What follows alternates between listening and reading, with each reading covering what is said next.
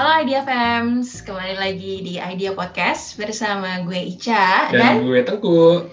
Oke, hari ini aku happy banget nih kok. Yap, kenapa Cak? Karena hari ini ada teman ngobrol baru nih. Ya, siapa Cak namanya? Coba kenalin Cak. Mendingan kita langsung sapa aja orangnya kali ya. Oke. Halo Kak, coba kenalin dulu dong ini siapa nih? Halo Ica, halo Tengku. Thank you Halo, Adi Panji. podcast uh, udah undang. Uh, aku Panji. Halo teman-teman semua, para pendengar Idea Podcast. Di- Dipanggilnya siapa nih? Idea Eh, Fams. Idea kawan- Fans biasanya. Oh, Idea Fams ya. Yap. Uh, Idea Fams, uh, uh, aku Panji, Panji Aziz Pratama. Uh, sekarang jadi apa? Apa ya? Apa? Um, kenalan singkatnya. Oh, ayah anak satu Oh, Oke. dan lagi banyak uh, fokus di dunia non profit atau sosial. Oke Kak Panji pengen nanya nih Kak Panji. Eh, mungkin di awal perkenalan Ya, ya, ya. nih tadi Kak eh, saya sempat kayak riset Kak Panji juga kan dulu pernah Hmm. eh, dulu Kak Panji kan eh, kuliahnya di kese- kesejahteraan sosial Kak ya. Ya, Kesos, betul. Nah itu kenapa tuh Kak? Kok dulu pilih kesos gitu? Coba cerita-cerita nggak Kak dulu kuliah? Oh baik baik. Jadi awal tentang Kesos ya. Ya by the way teman-teman eh, mungkin pasti banyak yang belum kenal sama aku. Em, ya aku eh, sebelum masuk ke Kesos zaman sekolah dulu eh, suka dunia sosial. Tengku sama Ica. Jadi mungkin kalau Ica sama Tengku atau teman-teman semua suka ikut-ikutan acara bakti sosial, bantuin orang banjir gitu-gitu ya. Nah itu dulu aku tuh paling doyan untuk ngerjain banyak kerjaan atau program-program sosial zaman SMA. Hmm. Nah akhirnya em, pas walaupun SMA aku adalah jurusannya IPA, jadi aku murtad nih teman-teman. Oke. Eh, dan aku sama Ica aku murtad, aku merasa bahwa aduh ini gue kok nggak passionate banget ya di bidang eh, IPA gitu, nggak mungkin kayak Ica yang masuk kimia UI gitu ya, atau Tengku, aku kayak aduh kayaknya gue nggak nggak nggak di situ banget ya gitu, jadi pengen banget. Itulah nanti kalau udah kuliah, aku pengen ngambil sosial dan akhirnya aku ambil kesejahteraan sosial di eh, Universitas Pajajaran. Kenapa? Karena tadi eh, social awareness-nya itu udah dibangun dari zaman SMA. Dan aku melihat, oh ya btw zaman SMA dulu nih, aku eh, aku sama aku pernah jadi kayak salah satu perwakilan Banten buat berangkat ke acara Parlemen Muda Indonesia namanya. Oh, Jadi itu kayak iya. nge- ngewakilin anak muda Banten untuk uh, nge-share tentang isu-isu pendidikan, lingkungan, sama ekonomi di daerahnya masing-masing. Nah, aku Hmm. waktu itu share tentang apa pun yang di, terjadi di Banten ceritanya. Iya, iya. Dan aku share tentang masalah pendidikan. Nah, dari situlah aku ngerasa, wah kayaknya suka deh di dunia sosial dan gue harus ngambil jurusan sosial nanti pas nanti kuliah. Gitu. Oke, keren banget. Kak ngomong-ngomong, kakak ini angkatan berapa sih kak eh, kuliahnya? Kuliahnya? Waduh, teteh angkatan tua nggak ya? Tapi enggak sih, aku masih muda kok. Aku angkatan masuk tuh 2012, Cak. Oh, Hmm, berarti nggak beda jauh sama kita ya, sama apa? Enggak dong. Kalian lebih tua kan? Iya, Iya kan? Ah, sebenarnya Iya, sih enggak sih. sebenarnya justru Bukannya tua sih ya. Ica 2000 berapa? 2015. Kita dulu 2015 kan? 15. Eh, kalau oh kalian 15, enggak enggak jauh lah. Tapi aku nggak mau dibilang tua, tapi ya kita masih tiga tahun lah ya. Iya. Mm-mm. Kak, Mm-mm. eh, ini pertama kali aku ngelihat Kak Panji profilnya gitu, aku pikir kakak Ya. tuh udah cukup cukup dewasa gitu kak. Cukup Hmm, bisa- iya betul. Iya, ternyata wah masih muda dan keren banget ya. Aku 26 berarti sekarang. Aku 26, anakku satu, umurnya 3 tahun. Kebayang ya. Jadi aku punya anak tuh usia 20 berapa? 23. 23. Aku belum 24 belum masih jomblo. Sama kan? Aku usia usia ada 3. Aku nikah usia 22. Oh, mam.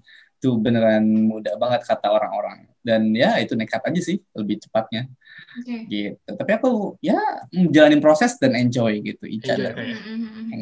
Kak, Hmm. ngomong-ngomong soal yang sosial tadi, berarti Panji Ya, ya. memang dari zaman sekolah udah aktif di kegiatan sosial tuh dari apa? Sejak SMP kah atau SMA? Eh, Nah, BTW ngomong-ngomong SMP, aku tuh dulu cukup banget, Cak. Zaman SMP, Tangku ada Ica, aku dulu anak SMP, SD, aku tinggal di salah satu kampung gitu ya, di kabupaten. Uh, jadi di kampung itu ya teman-temannya cuma teman-teman kampung, satu sekolahan, juga hmm. teman-teman ya tetangga doang gitu. Dan dulu sering cukup apa ya karena aku orangnya pendiam jadi banyak yang nggak nemenin aku nggak bisa ngebuka diri jadi introvert banget lah SD hmm. SMP gitu hmm. nah pas SMA aku pas ma pas lagi pembukaan sekolah SMA aku ngerasa bahwa aduh kok kayaknya pengen punya teman banyak ya dan pengen belajar ngomong di depan orang biar nggak grogi lagi dan pengen punya teman. Terus aku izin sama mamaku maaf pengen sekolah di kota dong. Di sini tuh kalau sekolahnya nanti malah jadi temennya ini lagi ini lagi gitu jadi akhirnya aku diizinin lah yaudah ambil aja sekolah di kota mau ke mana. Di di Serang ya mah di kota Serang. Karena aku orang kabupaten jadi orang desa gitu ya jauh gitu sekitar sejam lah. Uh, dan akhirnya aku diizinin berangkat dan dapat gitulah di sekolah di SMA 2 Serang. Uh, salah satu SMA di kota Serang gitu. Dan di situ aku explore tuh tentang gimana hidupku belajar dari tadinya nggak nggak pernah ikutan organisasi dan aku akhirnya ikutan osis maka tadi aku bilang zaman sekolah SMA adalah zaman di mana um, apa ya perubahan diriku secara drastis gitu loh. okay. Jadi belajar dari mulai ikutan organisasi OSIS, uh, aku jadi anggota Sekbid 9, terus dipercaya jadi sekretaris umum, terus tiba-tiba aku punya ide untuk bikin satu forum OSIS Banten. Jadi sebanten gitu, aku kumpulin semua OSIS-OSIS sebanten dan uh, nggak disangka-sangka aku jadi ketuanya waktu itu, dipilih sama teman-teman sebanten. Dari situlah aku ngerasa bahwa uh, wah jiwa kepemimpinan itu ternyata bisa dilatih gitu ya. Uh, jiwa berani itu dan program-program sosial itu mulai pertamanya dari situ dari programnya Forum OSIS Banten yang aku buat sama teman-teman. Programnya macam-macam loh. Kayak ngebantuin orang banjir kayak bantuin orang yang lagi sakit kita galang dana. Jadi aku udah ikutan uh, sering galang dana dari zaman SMA dari situlah akhirnya kebangun gitu jiwa-jiwa sosial Iya, yeah, yeah. gitu. Oke. Okay. Dan itu yang akhirnya menyebabkan jadi kuliahnya murtad gitu ya kak? Iya itu saya. Tapi aku bersyukur karena bisa murtad dari dari dari dari jurusan ya, dari yeah. jurusan dari jurusan sekolah ke uh, kuliah. Tadi kan Kak Panji udah keren banget tuh pas SMA bisa kepikiran untuk bikin osis sebanten gitu ya, sekabupaten. Ya. Itu ya. Um, trigger dari mana sih kak? Atau kakak Panji ngelihat contoh dari mana? Karena aku waktu SMA aku ikut osis hmm. juga kebetulan.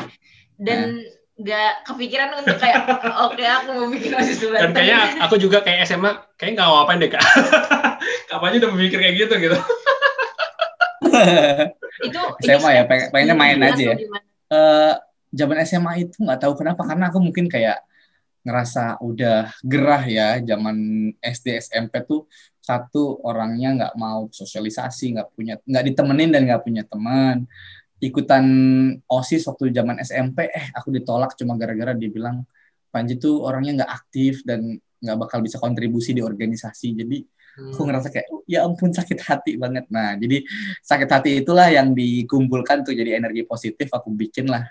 Uh, pelampiasan itu jadi hal yang lebih positif. Aku bilang sama diri aku sendiri ah nanti kalau SMA aku pengen aktif banget deh pengen pengen belajar banyak hal pengen punya teman sama pengen ikutan osis. Karena dulu nggak nggak pernah punya kesempatan masuk gabung osis zaman sekolah SMP gitu.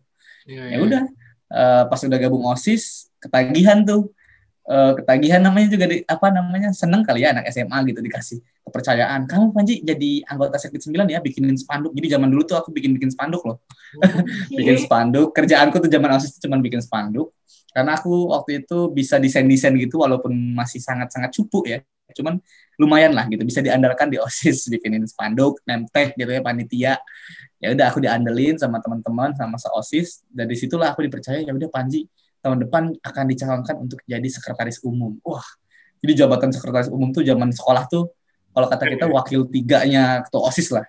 Kan kalau ketua osis ada ketua osis ada wakil satu, nah wakil duanya ini sebenarnya sekretaris umum. Nah aku suka banget tuh uh, apa peran itu dan akhirnya dari situ aku ngerasa wah gile ya ternyata uh, belajar osis seru ya dikenal sama orang, aku bisa banyak uh, apa belajar kepemimpinan, bisa ngeliding, dan akhirnya orang-orang mas banyak yang jadi temen aku gitu. Nah dari situlah akhirnya uh, kepikiran untuk bikin forum osis Banten karena aku orangnya nggak bisa diem zaman SMA.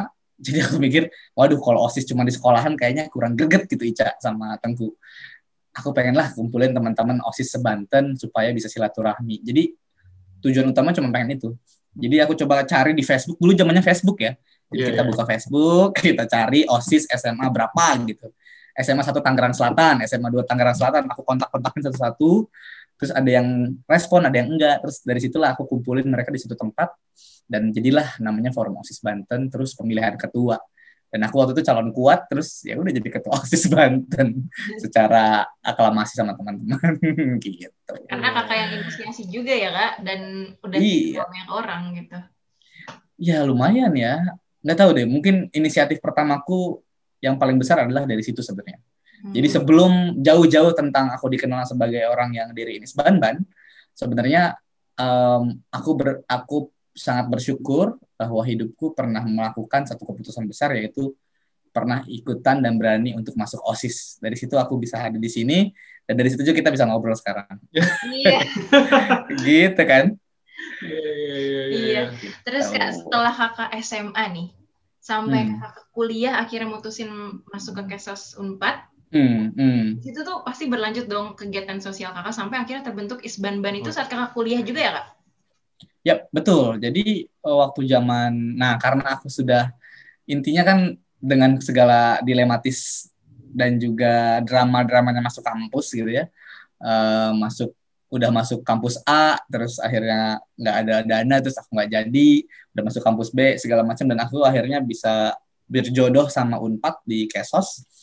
Uh, akhirnya dari situlah aku keinget zaman dulu kalau aku bisa kuliah um, dan tanpa membebani orang tua terus bisa dapat beasiswa gitu aku pengen kasih timbal balik lah buat apa yang aku dapetin. Nah dari situ semester 2 um, ngerasa bahwa kok kuliah kesejahteraan sosial kalau teori doang nggak cukup ya. Kita kan turunnya sama masyarakat ya, turun ke bawah, berbagi gitu ya. Yeah, yeah. Uh, praktikumnya juga sama masyarakat. Jadi aku ngerasa ya udahlah kalau gitu uh, pas semester 2 kebetulan lagi ada uh, banjir bandang di Banten. Aku pulang. Dari situ kan kalau liburan semesteran kuliah kan lama ya teman-teman ya. Ica yeah, berapa yeah. lama dulu? Bosen, 6 bulan eh 3 bulan. 3 4 bulan. Iya aku 3 4 bulan gitu. Nah, jadi zaman lagi liburan aku usaha eh, aku maksimalkan untuk ngebantuin uh, teman-teman apa orang-orang yang terdampak banjir di Banten. Dari situ juga akhirnya terinisiasi lah aku pernah punya janji sama diriku bahwa oh ini mungkin saatnya aku bikin sesuatu dari background jurusanku di Kesos dan juga keinginanku untuk bantuin orang lain. Ya udah akhirnya ngeliat satu anak-anak lagi pada kumpul di satu lokasi banjir, kita ngobrol sama mereka, ternyata apa fas, apa buku-bukunya hanyut, sepatu-sepatunya juga hilang gitu karena banjir ya. Mereka nggak bisa belajar dengan nyaman. Akhirnya kita mikir, eh kita bikin taman baca aja kali ya. Jadi tiba-tiba nyeletuk aja gitu tanpa ada analisis apa pun. Jadi intinya waktu itu kan cuma anak anak kuliahan semester 2 lah lagi mikir ya udah kita bikin taman baca aja yuk. Gitu. Kita galang dana. Karena dari dulu udah udah seneng galang dana untuk sosial, jadi hmm. hari itu aku galang dana sama teman-teman alumni Forum OSIS Banten, Tangku wow. sama Ica gitu. Jadi okay. awal mulanya dari OSIS Banten. Ya, Betul, aku tarik-tarikin lagi teman-teman yang pernah ikut OSIS Banten, aku tuh teleponin, aku WhatsApp, eh, nggak ada WhatsApp dulu, aku Facebook Facebookin gitu ya, message Facebook, bro bantuin gua dong, gua pengen bikin taman baca nih di di, di lokasi banjir, kemarin gua ke sana gua ceritain, bikin poster segala macam galang dana, dan namanya belum ada nama Isbanban, cuma taman baca aja udah waktu itu, hmm. jadi akhirnya kita udah kekumpul uangnya, uh, kita kekumpul sekitar 5 atau 7 juta gitu ya. Zaman 2013 ya. Wah. Itu lumayan besar gitu. Hasil canceling sekolahan loh, Tengku sama Ica. Tahu canceling kan ya? Iya, iya. Kardus gitu. Iya. Jadi kita tuh bentuknya kardus, kita muter ke sekolah-sekolah di Banten. Itu yang ngegerakin adalah teman-teman OSIS Banten. Jadi aku memberdayakan teman-teman alumni OSIS Banten yang dulu pernah satu kepengurusan sama aku untuk ya udah yuk bantuin yuk ke sekolah-sekolah kalian waktu itu dibantuin lah sama pengurus OSISnya kita ngegalang dana besar-besaran dan dana itulah yang digunakan untuk modal pertama kalinya Taman Baca Istana Belajar Anak Banten. Jadi Istana Belajar Anak Banten itu nama Taman Baca, bukan nama organisasi sebetulnya awalnya. Terus oh. teman-teman dari OSIS Banten bilang, "Ji, disingkat aja ya namanya." Apa dong? Istana Belajar Anak Banten. IS. tanahnya is- istana belajar Isban anak Bantennya ban-ban ya udah Isban-ban aja gimana oh, oh boleh deh gitu jadi itu awal gitu Tengku dan Ica awal mula pertama kalinya adalah nama taman baca itu dijadikan nama organisasi namanya Isban-ban Iya. itu makanya aku bilang sama Ica sama Anggo nggak akan ada nama Isban-ban dan mungkin kita nggak akan pernah ngobrol begini kalau waktu dulu aku nggak pernah buat keputusan bikin formosis Banten Oke oke oke. Ah itu namanya Isban-ban lucu juga ya kak. lucu ya kayak nama gula-gula ya kayak Nah, nama permen es krim ya Gampang diinget jadinya Iya, karena iya. unik gitu. oh gitu ya Ah, ah, oh ah. iya iya Tapi dulu dulu, kita nggak nggak mikirin branding segala macam karena nggak ada ilmu itu dulu iya, ya iya, udah lah. iya. makanya nggak makanya kebentuk nama Isban-ban kayak ya udahlah nggak akan kepikir sampai sejauh ini ya kak. betul nggak nggak nggak akan orang kita cuma mikir ya udahlah itu taman baca untuk satu tahun aku juga kan kuliah di Unpad nggak mungkin bolak balik Bandung Serang kan Iya. untuk pulang pergi tapi lama kelamaan pas waktu itu kita lagi opening Isbanban taman baca pertama itu kita bilang sama warga ibu bapak kita hanya satu tahun di sini untuk mengabdi melakukan program pengajaran. Iya. Eh, masih ada videonya aku masih sangat kurus sekali. Ya ampun aku sangat sedih melihat itu. Cuman aku bilang di situ eh, kita akan satu tahun melakukan program pengabdian kita akan ngajar di sini kita akan eh, bawakan buku-buku buat adik-adik. Mohon doa mohon doa restu dan juga dukungannya. Tapi pas udah itu kita mikir pas udah satu tahun berjalan di satu desa itu namanya desa eh, Citasuk nama kampungnya Sukamaju. Di kampung Sukamaju itu kita mikir sayang banget ya kalau Isbaman cuma setahun apa lanjutin aja ya karena teman-teman gitu ya. Bener aku tanya gitu. Karena aku pribadi orang di Bandung dan teman-teman di Serang itu nggak apa-apa kalau kita LDRan nggak apa-apa Ji. Nggak cuman long distance relationship tapi bisa juga long distance leadership. Wah ya juga ya. Jadi dari zaman dulu sebelum ada pandemi menyerang aku sudah melakukan long distance leadership lewat Facebook sama teman-teman Oh. gitu Bandung Serang Iya itu kakak selama Isban-ban berjalan, eh tadi di awal Hmm. dulu kak, yang pembukaan Hmm. itu pas awal banget itu ada berapa tuh kak? Ya. Kitanya berapa orang? apa relawan Iya relawan. Heeh, Hmm. relawan dan tim kakak mungkin. Oh tim aku, wah luar biasa karena kita waktu itu eh jadi kalau tim inti cuma lima ya, lima orang. Itu tuh alumni alumni Forum Osis Banten yang aku ajakin teman-teman dekat gitu ya Eh, ngobrol di satu saung sampai nginep, sampai ngomongin Isban Bantu sampai busa-busa gitu artinya saking semangatnya gitu ya itu lima orang. Sisanya adalah tim support itu adik-adik yang masih sekolah di SMA Hmm. kita ajakin jadi panitia kan adik-adik itu masih masih, masih unyu-unyu ya kelas 2, kelas 1, kelas 3 gitu kita ajak-ajakin mereka ada 45 orangan. Itu dari Jadi OSIS tim ya? supportnya OSIS semua adalah anak OSIS. Semua anak OSIS. Jadi kita guna apa apa berdayakan dengan dengan apa anak-anak OSIS ini kita ajakin lah mereka karena lagi senang-senangnya berbagi ya, mereka lagi senang-senangnya bikin program gitu ya. Udah kita ajakin. Jadi awal mulanya memulainya timnya cuma lima inti eh, saya tim support. Kalau tim support setelah pembukaan acara pada hilang-hilangan tuh, hilang. Namanya juga anak-anak sekolah ya, Iya. gitu. Hilang-hilangan gitu banyak yang hilang. Jadi ya udah. Eh, lama-lama kita akhirnya buka open recruitment untuk tim dari luar OSIS juga nggak apa-apa. Walaupun nggak banyak. Tapi itu apa kak? Gitu. Volunteer kah sifatnya atau ini Ya. karena non profit ya kak? Eh, Betul, apakah pasti. sekarang tuh Hmm. relawannya hanya volunteer yang benar-benar murni tidak ada bayaran part time full time Hmm. gitu atau sekarang udah mulai ada Ya. gitu? Seka- oh iya, dari zaman dulu volunteer tetap volunteer jadi relawan. Bedanya gini, dulu relawannya bener-bener yang ngeluarin uang itu kayak mulai bensin, makan, eh, bahkan sampai ke alat tulis untuk pengajaran juga itu relawan kadang yang suka PT-PT karena kita masih sangat-sangat nggak punya dana ya Eh, kayak celeng gitu ya. Lo punya duit berapa? Goceng. Gue punya duit berapa? Sepuluh ribu. Ya udah kita gabungin.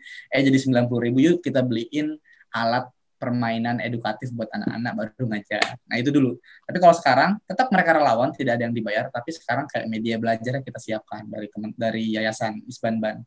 Dan bedanya adalah dulu Isbanban masih komunitas, tapi semenjak 2016 kita nekat, nah ini modal nekat. Kita nekat, kita jadiin Isbanban jadi yayasan. Jadi yayasan pertama di Banten yang mungkin dipimpin sama anak muda usia 18 tahun. Jadi aku jadi ketua yayasan tuh usia 18. waktu itu. 18 tahun kalau nggak salah. Ya, 18 sampai 19 tahun, tahun Kak. gitu ya. Semester semester 5 tuh berapa tahun tuh? 19 tahun ya, 18 19 tahun. Iya iya iya. Tempat ditanyain sama notarisnya. Oh iya bener kak. Pas ngurus itu ya. Mm-mm. Ditanya, Dek, kamu punya ke- harta kekayaan berapa untuk jadi modalnya yayasan? Nggak punya, Pak. Saya cuma punya uang 400 ribu waktu itu. Dia bilang, waduh, susah nih. Ya udah saya bantu, tetap dibantu. Dan akhirnya jadi jadi notaris yayasan Isbanban. Oke, kak, Hmm. aku mau nanya nih kak, kalau Isbanban itu mulai kayak apa ya kayak kayak mulai dibilang apa ya terkenal gitu pas kapan tuh kak? Maksudnya kan kak Panji bilang Hmm. kayak di awal tuh kayak oh awalnya cuma berempat doang atau terus habis itu tambah volunteer, maksudnya kayak mulai dikenal lah gitu kak kak Panji. Apakah itu Hmm. emang ada media atau kan diliput atau kan emang gerakan emang ini gerakan apa gitu kak Panji yang mungkin Hmm, mulai dikenal sama masyarakat banyak gitu. Waktu pertama kita dikenal, jadi sebelum dikenal tuh kita sedih banget loh Tengku sama Ica. Eh, kita pernah kayak bikin poster tuh yang respon cuman teman-teman kelas itu pun nggak pada ikutan jadi relawan gitu. Ataupun kita bikin poster ya seadanya kita share, tapi yang komen cuma mamahku, tanteku, dan semua keluarga-keluargaku gitu. Ya, tapi jadi nggak. Padahal kita poster lagi nyari relawan. Eh, cuman eh, Isbaman setelah em, tahun pertama, tahun kedua, tahun ketiga itu tahun-tahun sulitnya kita tuh ya berjuang gitu, nyari relawan, nyari dana. Nah, pas tahun keempat, kelima, eh, alhamdulillah nih ternyata ada eh, media. Eh, pertama kali booming tuh waktu aku ditelepon sama salah satu eh, tim risetnya Kick Andy Show, Metro TV. Ditelepon, betul ini Mas Panji katanya. "Eh, betul, aku bilang dengan siapa? Saya eh, saya tim risetnya eh, Kick Andy. Aku mikir tim riset Kick Andy. Kick Andy kayak kenal nama program apa? Oh, aku baru ingat. Oh, Kick Andy Metro TV ya. Aku bilang, iya betul. Mas Panji boleh nggak kita ngobrol-ngobrol? Kita ngobrol satu jam. Dia ngerisetnya cuma nanyain aku lewat wawancara telepon tentang nanyain dari mulai awal berdiri kayak tadi Tengku sama Ica nanya, terus bagaimana perjuangan Isbanban sampai kok Isbanban bisa sampai saat ini gitu di usia keempat atau lima tahun. 2017 itu berarti empat tahun. Jadi empat tahunnya Isbanban. Kok bisa Isbanban bisa bertahan sampai empat tahun? Aku ceritain semua hal. Dari situlah eh, aku langsung dibilang sama tim risetnya, Mas Panji, kita kayaknya cocok nih sama Mas Panji dan eh, Isbanban. Eh, bersedia nggak untuk ikutan tapping bareng sama Mas Andi F Andi F Noya? Mas Andi F Noya, Mas Andi gitu. Iya, kita langsung ke studio Metro TV. Ini beneran Mbak serius Mbak? Ini nggak tipu-tipu kan Mbak? Aku bilang gitu. Enggak kok kita beneran. Ini kita beneran kok dia bilang. Iya. Oh, oke. Terus kita harus ngapain Mbak? Ya udah Mas Panji datang hari Rabu malam jam 7 pakai pakaian yang eh, batik kalau di Andy. Nanti nanti kita langsung typing. Saya harus ngomong apa Mbak? Tenang, nanti di briefing sama saya. Jadi hari itu aku langsung tapping, deg-degannya luar biasa minta ampun. Aku diwawancara sama eh, Andi F Noya langsung, Bang Andi, dan itu luar biasa. Em, hari itu aku di, di, di apa dibolehin sama tim Kick Andy untuk membawa relawan sebanyak 45 orang. Aku bawa mamahku juga, aku bawa orang-orang terdekatku juga yang mau nonton di studio Kick Andy. Dari situlah akhirnya saat seribu orang masuk ke dalam satu ruangan yang langsung tapping. Terus itu luar biasa sih. Masih ada videonya di YouTube dan uh, dari situlah akhirnya Isbaman jadi booming. Uh, karena aku ceritain tentang bagaimana Isbaman berjuang dari awal sampai aku akhirnya bisa mewakili uh, forum-forum internasional lewat uh, nama Isbanban. Jadi Isbaman itu bergerak dari hal-hal yang ber- kecil dari lokal uh, goes to global gitu. Jadi itu yang aku ceritakan di Kick Andy.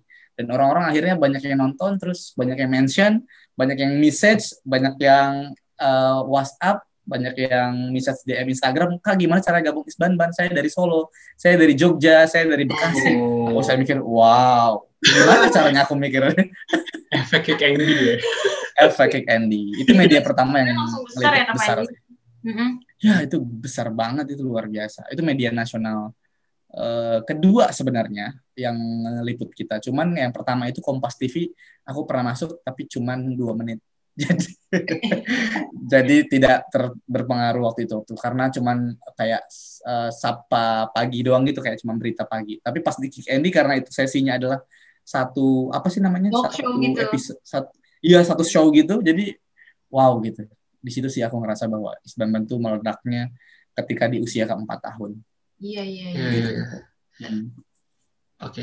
Panji, ya. eh, aku nanya juga. Kan itu setelah Hmm. Isbanban tuh kayak aku lihat profil Kak Panji tuh dapat eh, satu kayak namanya tuh Wisely kak, yang satu leader. Oh iya betul. Iya itu kan kak, uh, ya. kakak jadi ke ya maksudnya ntar ceritanya kayak kakak ke uh, Amerika tuh kak ya? Iya. Ya, iya itu. Dan itu katanya itu hmm. beasiswa dari Barack Obama langsung ya kak ya? Iya itu kalau nggak salah waktu itu emang Barack Obama bikin hmm, apa tuh namanya ya? Jadi dia masih jadi presiden terus uh, bikin program namanya yang Southeast Asian Leaders Initiative yang disupport langsung sama Barack Obama lewat uh, eh, US Department of State uh, Kementerian Pendidikannya. Jadi Kementerian Pendidikannya si US itu bikin program namanya YSILI. Kalau kata kita kayak Kemendikbudnya Indonesia gitu, Mas Dadim, Mas Menteri bikin program apa buat anak mudanya. Nah kalau ini program kepemudaannya Amerika yang ditujukan buat anak muda se-ASEAN. Karena dalam rangka untuk menjaga harmonisasi ASEAN US. Dulu tuh lagi lagi lagi kuat banget tuh uh, apa hubungan ASEAN sama Amerika. Jadi dikuatinnya dengan cara-cara program exchange kayak gitu dan program beasiswa. Nah waktu itu ini aku juga uh, harus cerita bahwa ini aku nggak pernah expect apa pun kalau bisa akhirnya ke Amerika. Karena sama sekali aku ngerasa wah gila Amerika ya. Nggak mungkin deh orang desa orang kampung kayak aku ini di Banten yang jauh nggak mungkin orang lihat uh, kayak gini mungkin aku bisa berangkat. Karena aku tahu pasti yang daftar adalah orang-orang yang punya organisasi kayak international youth uh, apa gitu. Kalau enggak uh, leadership leaders forum apa dia udah punya background background itulah. Dia punya organisasi internasional dia pernah ini pernah itu secara nasional. Kan kita sebagai orang daerah tuh apa ya jiper ya. Minder, yeah, ya, sih kayak ya ampun gue apa sih gitu remah rempeyek gitu rempeyek aja kayaknya gue nggak nyampe ke situ deh. Insecure kan insecure duluan ngelihat program yang sebesar itu. Tapi aku nggak tahu kenapa zaman aku kuliah tuh itu semester 7 aku udah mau lulus ya. Um, semester 7 aku ngerasa uh, hatiku bergetar gitu ya. Oke, kapan lagi gue zaman kuliah memanfaatkan kesempatan yang sebesar ini? Kalau nggak dicoba gue nggak tahu bahasa gitu. Kalau nggak dicoba dalam hatiku aku nggak bakal tahu kalau aku nggak pernah mencoba hal ini. Kalaupun gagal ya nggak apa-apa emang emang harus gagal. Tapi kalau ternyata berhasil oh ya ini adalah sebuah kebersyukuran. Jadi aku coba untuk buka formnya aku lihat aja udah bahasa Inggris gitu ya. Bahasa Inggris jadi kayak wow gua nggak ngerti nih bahasa Inggris gimana nih? gitu. Jadi aku tuh percaya atau enggak nge-translate eh bikin esai itu aku pakai Google Translate ya Tengku sama Ica. Terus aku copy paste secara setara setara pertanyaan pertanyaan esai kan ada tuh bisa panjang ya uh-huh. how you describe your leadership uh, values in your community gitu gitulah aku bilang nih uh, describe value apa ini apa ini aku copy semuanya masukin Google Translate. Oh ini maksudnya. Jadi aku ketik pakai bahasa Indonesia. Langsung keluar keluar bahasa Inggris aku copy. Asli. Ah gila sih. Parah. Jangan ditiru Tapi itu membantu. Jadi Tapi ini trik karena waktu itu aku udah daftar itu hamin tiga jam, hamin tiga jam. Wow. Udah mau ditutup. Aku bilang bodoh amat, gua mau coba. Karena aku ngerasa tarik ulur ya dari hati itu. Ikut enggak, ikut enggak. Aduh insecure kayak nggak bakal lolos. Gitu gitulah. Hamin tiga jam aku berpikir, ya udah, gue kerjain. Aku kerjain. Wah itu asli sih parah ngetik pakai bahasa Indonesia semuanya langsung copy ke Google Translate yang mana dulu Google Translate zaman 2017 masih kacau. banget. Uh, masih kacau. Dan the apa bodo amat gue copy gue copy gue copy gitu. Jadi waktu itu ya udah aku nggak nge-proof lagi nggak nge-proof reading lagi nggak ngelihat itu tuh udah bener apa salah bodo amat. Uh, terus aku masukin semua info yang aku punya. Yang penting data yang aku masukin itu benar gitu kan? Prinsipnya yeah. gitu Hmm. Aku nggak bohong sama apa yang aku katakan. Bahasa Inggrisnya masih ancur, bodo amat. Nanti itu urusan belakangan gitu. Aku masukin, terus udah gitu aku submit, terus aku langsung lega. Hah, akhirnya kegagalan ini sebentar lagi akan hadir.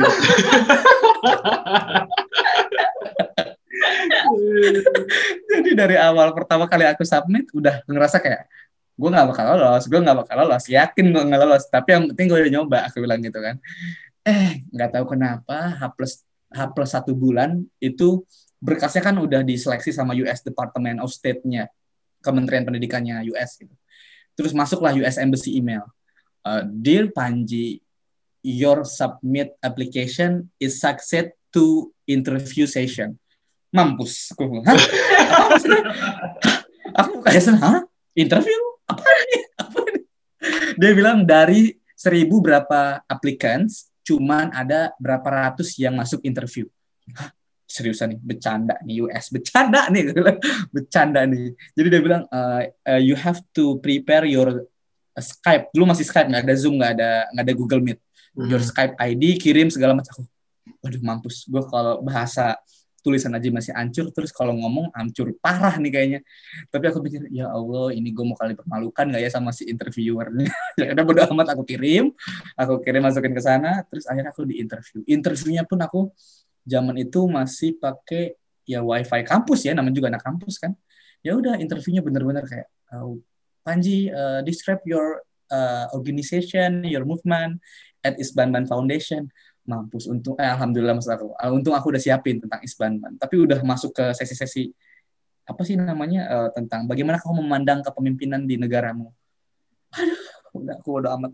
Aku udah ada udah sangat pasrah. Jadi udah intinya adalah di suatu ketika aku udah ngerasa interview aku tuh nilainya 65 lah kayaknya. Karena aku nggak bisa ngejelasin hal-hal yang lain. Terus di satu waktu dua minggu setelahnya aku dibilang uh, congratulations Panji you are selected to be a fellow of uh, Young Southeast Asian Leaders Initiative 2015 and going to USA at November 2015 gitu. Ah, eh, uh, 17. Gue bilang, ah, beneran. Ini beneran gue. Eh, 15, 15, 2015 aku ingat banget. Aku bilang, ah. Terus aku waktu itu lagi ada mama sebelahku, aku bilang, mah, ini beneran gak sih ya berangkat ke Amerika? Mama nggak ngerti? Ya oh iya bener ya. Ntar aku di translate dulu. Aku takut salah baca. Jadi aku translate lagi di Google Translate. Okay. terus aku baca pakai bahasa Indonesia. Wow bener aku berangkat gitu. Jadi nge nge ngecek segitunya gitu. Saking aku tahu aku nggak punya kapasitas itu. Secara English uh, aku waktu itu hancur banget. Jadi ya udah aku berangkat. Aku bilang oh my god gue bakal mewakili Isbanban di ajang internasional yang cuma 25 anak muda ASEAN jadi cuma lima orang per negara. Waktu itu lima apa dua orang per negara. Ada satu atau satu orang. Jadi aku berangkat. Dan di situlah akhirnya aku belajar tentang uh, manajemen NGO Tengku dan Ica selama di Amerika. Okay, okay. lima minggu kebayang ya lima minggu programnya belajar tentang um, um, civic engagement. Jadi ada tema khusus. Aku masuk temanya civic engagement tentang sosial tentang bagaimana memberdayakan masyarakat gitu-gitu Terus um, selama empat minggu aku kuliah di Northern Illinois University (NIU), kampusnya Pak Anies Baswedan, S3-nya di sana. Jadi aku sempat masuk ke perpustakaannya, aku cekin semua apa namanya doktoral uh, tesis. Aku cek ada nggak ya Pak Anies gitu. Penasaran jadi aku ke sana aku cek cekin dan keren banget kampusnya bagus banget. Dan empat minggu aku di sana jadi mahasiswa belajar tentang fellowship. Dan yang paling aku suka satu subjek yaitu uh, how to manage your non-profit organization. Dan aku menemukan passionku di non-profit karena aku waktu berangkat ke sana dan aku ngerasa bahwa manajemen organisasi non-profit di Indonesia masih belum terlalu terdengar dan dibilang keren oleh orang-orang.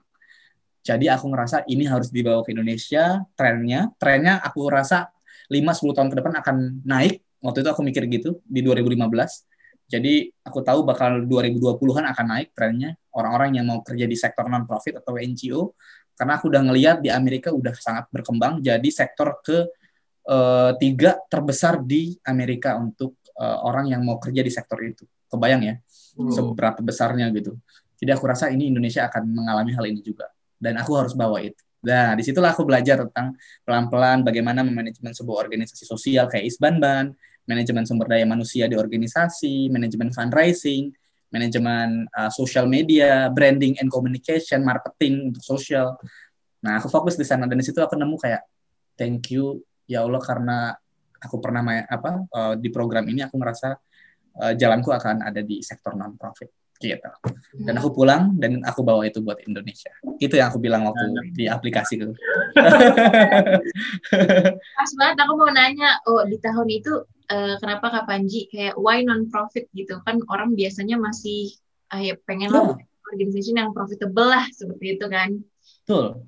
Salah satunya why non profit? Gitu. Ya, why non profit Kak? Kalau dari yang Kakak wow. sendiri itu kenapa Kak? pertanyaan mantap nih. Why non profit? Aku pernah bahas di salah satu notesku dulu dan dan jarang orang yang mau. Aku nggak tahu ya. Mungkin banyak juga yang sharing tentang non profit sektor. Tapi uh, uh, menurutku harus ba lebih banyak orang yang pede bahwa kerja di sektor ini atau berkarir di sektor ini ini tuh sektor yang dapat dua hal dalam satu pekerjaan. Satu duniawi dua uh, udah akhirat gitu ya. Karena kita ngerjain sesuatu hal yang itu tuh ngebantu secara langsung dan gak langsung untuk orang lain.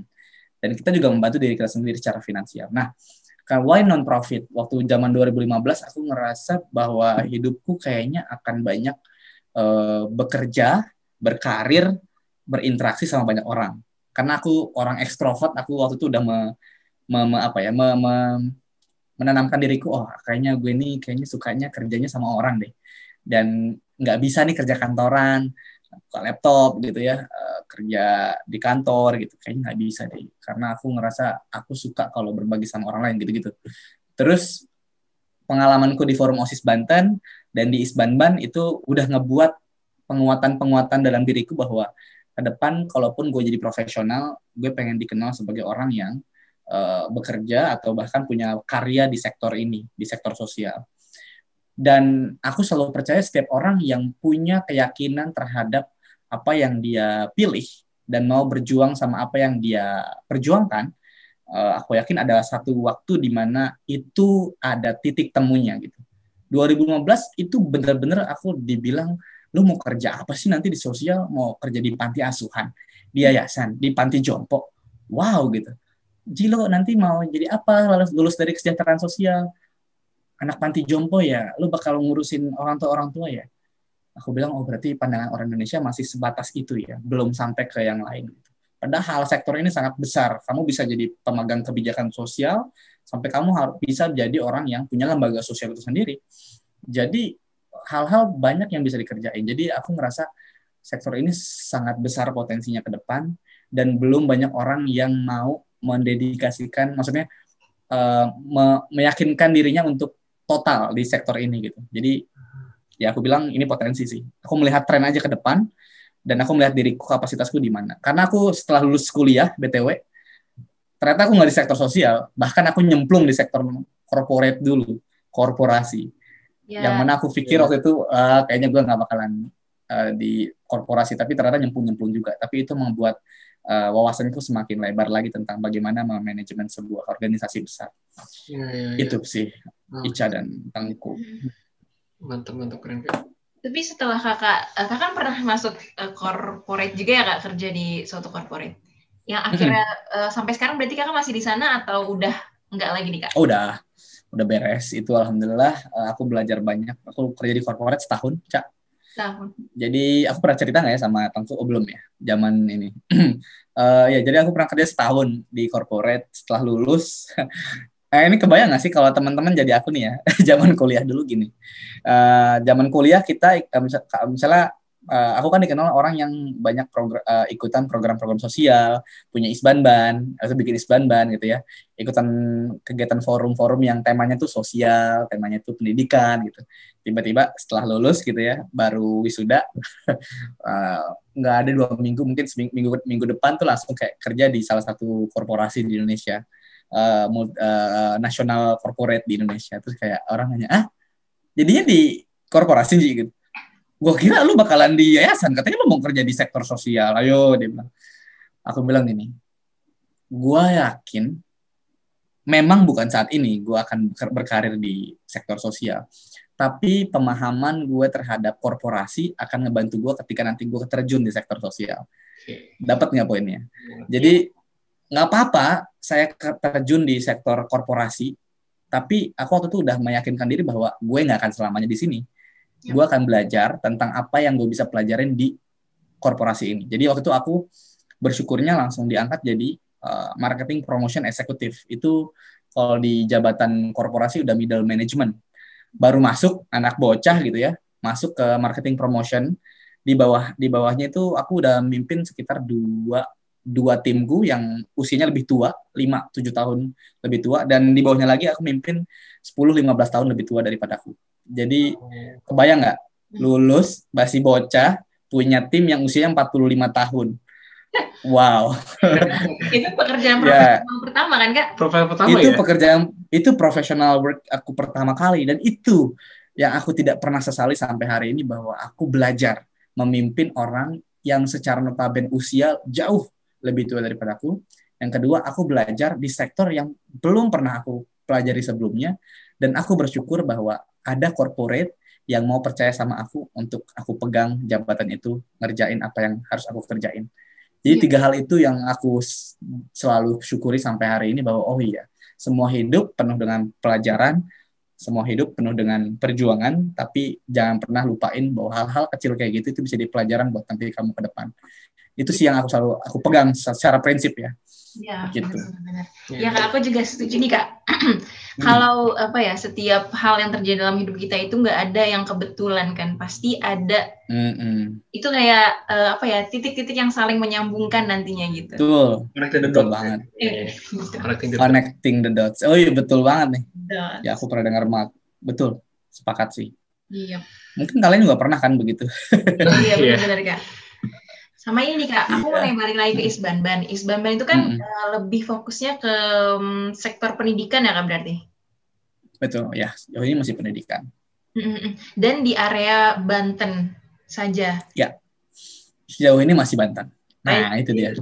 Sejauh ini masih Banten. Soalnya dari namanya kan eh, Istana Belajar Anak Banten atau itu mau di, di apa dihapus kepanjangan itu. Rebranding ya.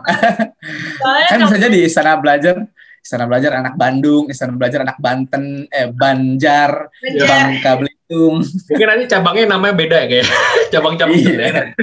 iya, iya. Iya. Karena aku, aku Iya. sih. Soalnya kalau misalnya Banten eh, luas wilayah sekian, terus kakak udah sekian tahun nih ada di sana. Apakah ada Iya. rencana kak ke depannya eh, nggak hanya Banten aja nih, Hmm. lebih concern mau ke daerah lain kak, kira-kira yang lebih membutuhkan lagi gitu. Hmm, menarik ya pertanyaannya. Nah, ini pertanyaan yang mungkin banyak juga yang nanya nih waktu zaman-zaman webinar aku sharing gitu. Kak, mau nggak sih bikin di daerah lain? Aku juga pengen deh ngajar kayak Isbanban. Aku bilang yes, we we will, but kita lagi ngumpulin kita nggak mau nih misalnya kita bawa produk yang kita kalau bahasa orang startup kan kita bawa produk ke daerah lain tapi produknya masih belum eh, di testing atau sempurna secara eh, secara kapasitas gitu. Nah, eh, kita tuh kalau dilihat udah 8 tahun ya. Isbaman tuh udah 8 tahun kalau dihitung dari 2013 sekarang 2021 gitu. 8 tahun. Bulan depan kita udah usia 8 tanggal 10 Februari. Terus kita ngerasa oh ya tua juga ya Isbaman ya. Jadi jadi eh, pertanyaan kayak Ica tadi tuh udah muncul di usia Isbaman keempat tahun. Apalagi pas kick and di masuk tuh banyak banget nanya, "Kak nggak bikin aja di Bangka Belitung gitu. Kak nggak bikin aja di Sumatera." Saya mau dong Kak ngerjain itu. Nah, aku menangkap itu sebagai em, FOMO ya. Jadi orang mungkin eh, apa ngelihat itu tuh lagi rame aja gitu terus pengen ngerjain itu dan aku ngerasa semua hal yang dilakukan secara terburu-buru itu nggak baik. Eh, eh, lebih baik kita tahu mau ke daerah mana kita mau bikin dan memang sudah ada orang yang emang tulus bener-bener pengen ngerjain itu. Kalau bener ada yang beneran pengen bikin ke Isban-ban dan pengen belajar dari awal, baru deh. Mendingan satu dulu kita bikin misalnya di mana Jawa Timur. Kita ambillah satu daerah, kampung apa, di desa mana, di kecamatan apa. Yuk bareng-bareng. Ada berapa orang yang siap? Ada 10 kak, tapi 10 ini bisa dijamin nggak untuk teman-teman akan sama-sama yakin kuat untuk ngejalanin. Yuk sama-sama. Karena Isbaman itu berawal dari hal kecil. Ya. Kita nggak loh berawal dari hal gede, bikin nasional dulu, terus baru kita bikin daerahnya, enggak. Kita bahkan dari satu kampung. Satu kampung namanya Kampung Sukamaju, dari situlah aku ngerasa bahwa kekuatan relawan bilang bahwa Ji, sayang kalau nggak dilanjutin. Itu tuh munculnya dari orang-orang di dalam, ya nggak? Bukan dari aku loh. Dari orang-orang yang udah ngerjalanin. Dan dari situlah akhirnya aku percaya bahwa setiap organisasi itu akan besar kalau punya ownership yang sama-sama kuat. Kalau visi pemimpinnya itu sudah turun ke visi-visi anggotanya. Kalau visi organisasi itu bukan sekedar diucapkan tapi juga dimaknai dalam hati. Itu. Ya. Jadi kalau itu sudah bisa didapatkan di daerah lain, aku rasa ya, oke, kita bisa kerjain. Tapi insya Allah doain aja, semoga dalam beberapa tahun ke depan kita memang berpikir untuk melebarkan sayap, tapi kita nggak mau hal-hal gede-gede. Kita pengen coba lihat apa sih yang bisa dikerjakan, apa yang bisa kita bantu. Semoga di daerah kalian yang nggak jauh-jauh. Dari mana sih Depok ya? Di Depok. Ya? Isban Dep. Isban Pok. Ah, aneh ya jadi namanya. ya. Ini kak paling aku uh, mau cerita sedikit juga ya kak. Kan kakak tuh Boleh dong. dari Banten ya kak berarti aslinya. Ya, aku orang Serang Banten, betul. Uh -uh. Jadi waktu itu aku pernah uh, sempat main-main ke Banten, tapi sebenarnya di Pandeglang sih, karena waktu itu Tengku Iya. ada Hmm. apa kok di sana? Aku dulu pernah di desa di desa Wirasinga kan, nama di desa Wirasinga itu di Pandeglang di Kecamatan apa? Kecamatan apa ya itu namanya? Hmm, Apa ya? lupa sih Nah, kecamatan. itulah pokoknya ya. Ah, Oh ya kayaknya itu. ya, Nah. eh, itu tuh aku di situ tiga bulan kak itu sebenarnya tugas akhir sih. Tapi aku di situ Hmm. kayak ada project juga eh, Hmm. dari ada satu institusi juga. Nah di itu tuh aku di situ selain aku TA, aku juga eh, ngebantu kayak kepala desanya kan di situ ada bumdes ya, kapan ya? Ya. Nah, Oh, jadi- BUMDes ya betul. Ah, BUMDes. Betul. Jadi aku kayak ya ikut-ikut juga bantu-bantu di BUMDes juga. Terus kayak ya sering interaksi sama kepala desa lah gitu Panji. Kak Panji. Hmm. Jadi kayak maksudnya sering ngeliat juga sih Kak Panji maksudnya di desa itu seperti apa sih sistem organisasinya terus kayak ya mungkin kalau Kak Panji kan pendidikan ya Kak. Jadi kayak SDM-nya. SDM-nya kayak gimana dan emang aku ngerasa juga kayak gimana ya kalau di desa itu tuh padahal itu desa yang ya maksudnya kalau Banten tuh kan nggak terlalu jauh dari Jakarta ya kayak Panji ya kayak itu Pandeglang juga sekitar 4 jam sih saya kan naik motor gitu ya Oh ya, rasa banget kayak aksesnya bener-bener kayak ke desa saya tuh kayak kayak itu dalamnya berlubang-lubangnya Kayak dalam ya? bukan lubang Iya, biasa gitu ya Iya, iya. bener-bener itu ya, bukan lubang biasa. iya bener-bener Iya, itu gitu kayak pas pertama kali aku ke sana juga ini eh, masih daerah nggak terlalu jauh banget dari Jakarta, tapi kok gapnya sejauh ini sama Iya. Jakarta gitu. Banten itu. Kebayang ya, Bayang banget sih, Kak. Emang- itu. aku nggak tahu ya kebayang banget. dari sisi Kak Panji itu ngeliat kayak Kalau dari Banten Kak yang Panji, itu kayak gimana sih kak? Maksudnya Kayak desa. bener-bener yang apa gitu kak? dari segi pendidikannya mungkin ya. Pendidikannya atau misalnya gitu. Nah itu menarik yang tadi Tengku bilang sama Ica, ya ya kebayang ya kita tuh, ya ampun tuh tetangga tetangganya Banten tuh kan ibu kota Jakarta, ibu kota Indonesia, misalnya ibu kota Indonesia, Iya. dekat banget dan eh btw aku sekarang juga lagi ngerjain project Etanoto di di Paneglang. Oh ya? Jadi ya betul di Pandeglang. Jadi di Pandeglang, makanya tadi aku tanya desa mana atau kecamatan mana, mungkin dekat sama desa binaanku.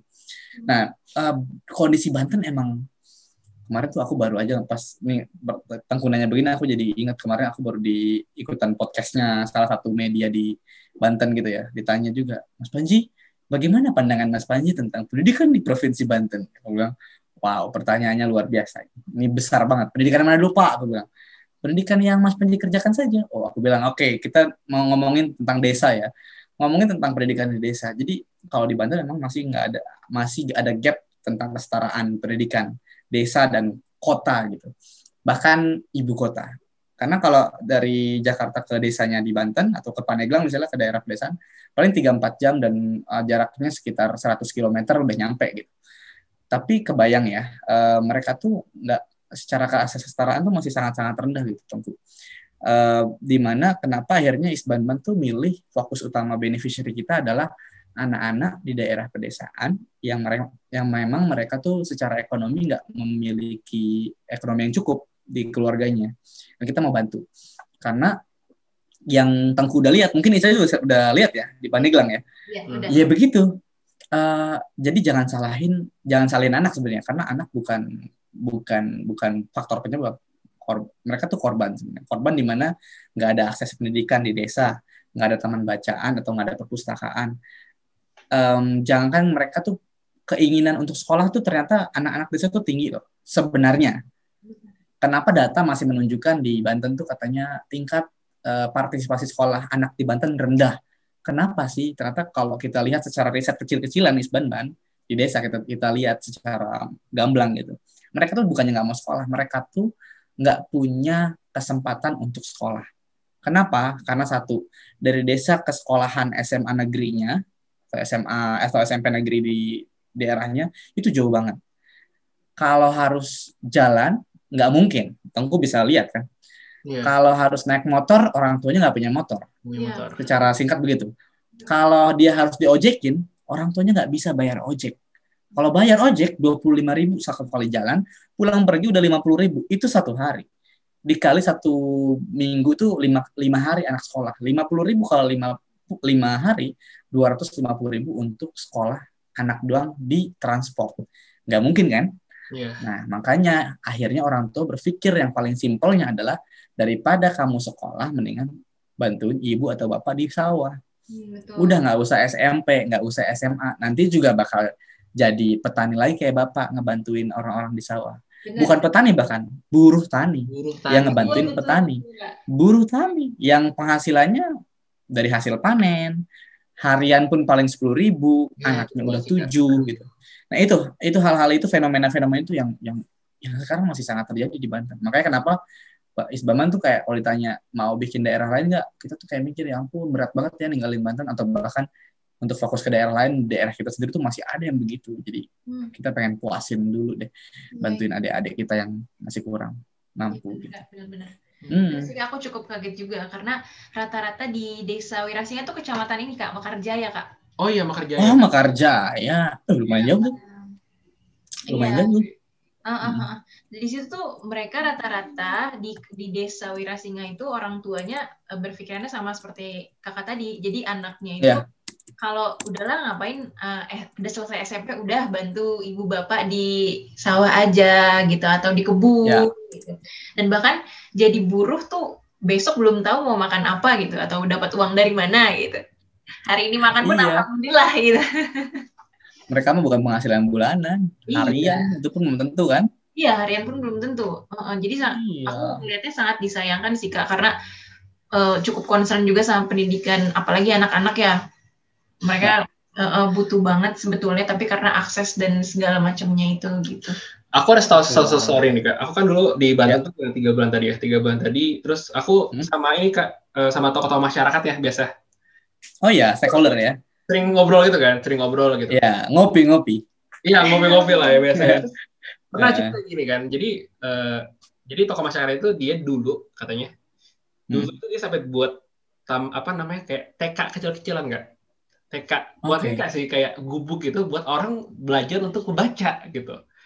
Oh Karena gitu. dulu itu katanya eh, ini tahun berapa gitu terus katanya itu di situ anak-anak yang itu nggak ada yang mau sekolah dan itu udah free tetap Hmm? masih ada yang nggak mau ikut gitu untuk Nggak mau ikutan? baca segala macam itu nggak mau jadi kayak dia invest tuh kayak gubuknya dulu terus kayak anaknya Yeah. disuruh ngajar di situ secara gratis dan kayak disuruh ajak kayak karena katanya basically dari orang tua sendiri kayak oh ngapain lah itu itu untuk PAUD ya kayak kayak TK gitu ya Out ya, Ngapain TK gitu ya. itu, eh, madras apa ya? iya ikut-ikut gitu nggak usah gitu tapi Hmm. makin lama makin lama makin lama gara-gara gara-gara kayak oh mungkin dia tokoh masyarakat kali kayak jadi diajak terus ya udah mulailah di situ kayak orang tuanya aware lah gitu karena oh Iya. ternyata saya bisa baca atau gimana pas Iya. itu itulah kak jadi story-story itu kayak wah iya juga ya sampai segitunya ya sampai kayak waduh Iya, makanya. sih. Segitu udah ada masyarakat yang nyiapin ya nggak sih, Tengku? iya udah Ya. nyiapin gak ya maksudnya Udah nyiapin. Ah, ah. jadi udah udah udah disiapin tapi emang masih belum awareness-nya lah dari Iya. Masyarakat itu Iya. benar ini sih. Aku benar-benar kayak ngerasain juga sih. Itu tiga bulan benar-benar apa kayak kayak bermakna juga sih. Kayak aku bisa ngelihat banyak hal sih sebenarnya sih kayak yang nggak pernah aku lihat di Depok gitu. Gak pernah lihat Bang? Iya. Nah, berarti harus main lagi Ica sama Tengku main lagi ke Paneglang. Iya. Iya. iya. Oke. Cara orang kota bersyukur adalah main ke desa sebenarnya. Iya, bener banget Kayak- bener-bener Iya, itu sih itu eh, kayak ya kadang-kadang kayak kita suka sumpah gitu di kota dengan begitu ya gimana kayak kerja ya nggak pernah pernah kerja di Iya. kota gitu. Iya. Nah, salah satu jedanya orang kota adalah main ke desa. Itu aku bilang kalian tuh healing kalau main ke desa karena kalian tuh melihat hal yang jarang kalian lihat dan kalian tuh belajar dari orang yang nggak pernah kalian temuin. Iya. Jadi itu sih, mainlah ke desa. Nanti Aku nih duta duta desa nih. Ayo ke desa. Mungkin boleh kak nanti main ke ini ke tempatnya kak Panji Yes, siap. Boleh, ayo. Mau desa binaannya Isbanman apa Tanoto aku hajar. Yes, mantap. Mungkin eh, karena kita udah cukup lama juga dan ini udah kita malam-malam nih guys. Iya. Oh, iya. oh yes. Iya. Nah, Apa ideas fans ya? Oh, Iya, Iya, Fans. Nah, gitu tuh ini Jumat malam atau malam Sabtu yang Malam Sabtu ya. Manji. Iya. gitu ya. Mohon maaf ya ini kalau ideas fans ngerasa uh, omonganku tuh terlalu banyak yang nggak dicerna. Eh sudahlah, kita lagi ngobrol aja kan ya. Kayaknya kita belajar banyak nih kak. Jadi Iya, kita iya, ada banyak kayak apa ya gitu ya. Jadi perspektif lain. kayak ada cahaya Iya, surga iya. malam-malam gitu loh. Saya surga dong. Iya, iya, iya.